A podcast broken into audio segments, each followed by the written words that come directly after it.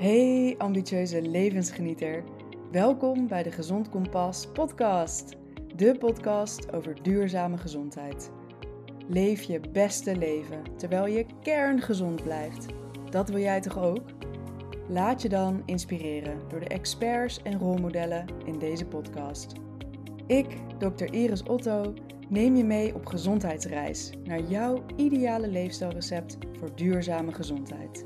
Heb je iets interessants gehoord? Deel deze aflevering dan met je vrienden, familie en collega's. Zo helpen we elkaar gezonder te worden. Ik wens je heel veel luisterplezier.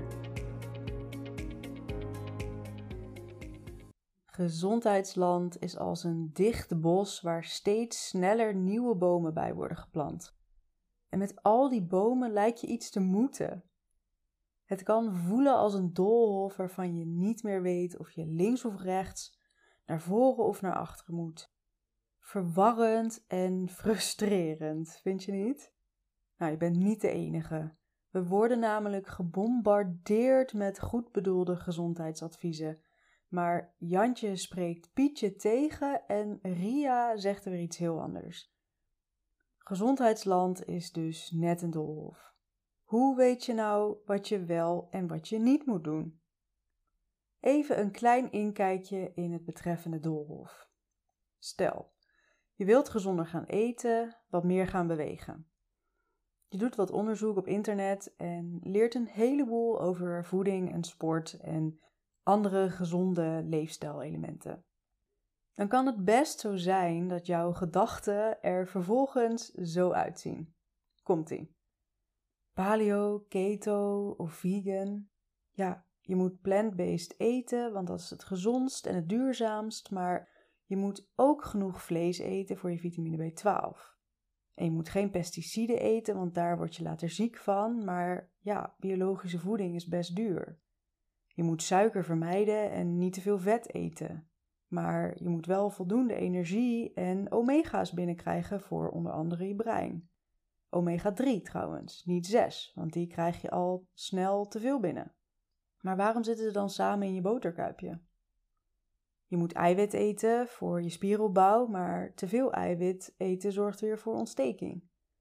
Je moet vasten, maar je moet ook voldoende en gevarieerd eten.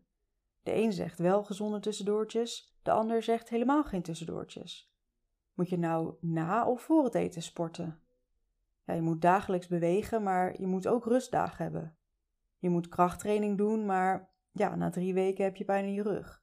En van hardlopen krijg je scheenpijn. Moet je dan schoenen met ondersteuning hebben of kan je beter barefoot lopen? En kan je beter in de kou rennen of goed ingepakt? Sporten voor of na je werk? Vroeg opstaan geeft je de ruimte voor gezonde ochtendactiviteiten, maar ja, je bent nou eenmaal nachtheldje. Doen die wisselende diensten nou echt zoveel kwaad? Ja, je mag niet te veel zitten, je moet genoeg pauzes nemen, maar de hele dag staan en lopen is weer te belastend. Je moet genoeg ontspannen, maar niet met je lievelingsactiefilm, want dat geeft prikkels. Er zitten gezonde stofjes in rode wijn, maar eigenlijk zou je helemaal geen alcohol moeten drinken. En geen koffie trouwens, want dat is verslavend en dehydrerend. Oh, maar koffie is wel in verband gebracht met hartgezondheid. Moet je het nou wel of niet drinken? Ja, ik, uh, ik zou er ook gestrest van worden. je mag een heleboel niet meer en je moet van alles. Althans, zo lijkt het. En bovendien lijkt niemand op één lijn te zitten. Het is echt een kluwe aan adviezen en het makkelijkste is om er gewoon niet aan te beginnen. En helaas is dat ook wat vaak gebeurt omdat het allemaal veel te ingewikkeld lijkt. Maar dat hoeft niet zo te zijn. Ik ga je één vraag voorleggen die het allemaal een stuk overzichtelijker gaat maken. Deze vraag gaat je richting geven, waardoor een heleboel adviezen niet meer of juist wel relevant voor je gaan zijn. Het helpt je schiften in de voorschriften. Laat deze vraag even goed op je inwerken en formuleer het antwoord dat op dit moment het beste bij je past. Het kan namelijk zijn dat je antwoord op den duur verandert. En daarom is het goed om jezelf deze vraag regelmatig te stellen om te toetsen of je leefstijl nog wel bij jou past. Deze vraag schept helderheid. Waar optimaliseer jij voor? Waar optimaliseer je voor?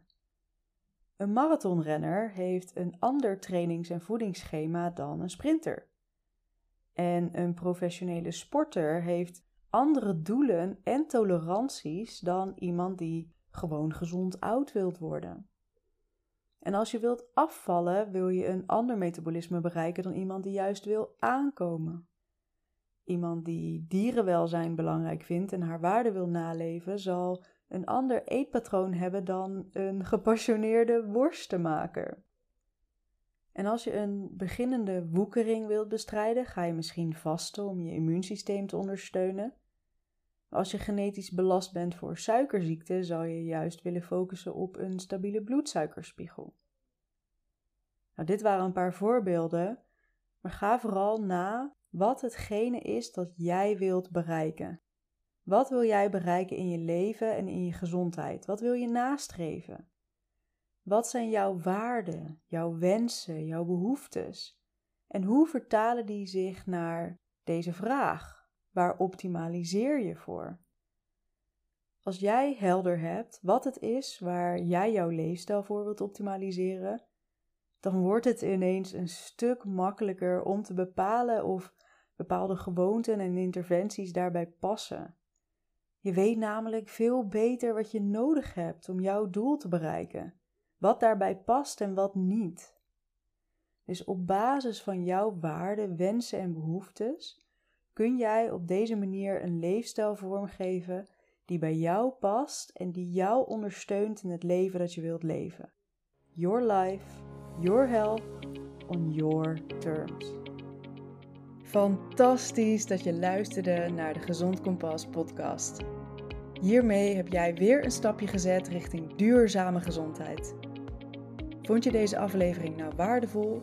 Dan zou ik het ontzettend waarderen als je een beoordeling achterlaat op Spotify of Apple Podcasts. Daarmee steun je de podcast en mijn missie om duurzame gezondheid te bevorderen. Wil je meer inspiratie? Vergeet je dan niet te abonneren op deze podcast. Ook vind je een schat van waarde op gezondkompas.nl en via Instagram @gezondkompas. Bedankt voor het luisteren en tot de volgende keer. Gezonde groet.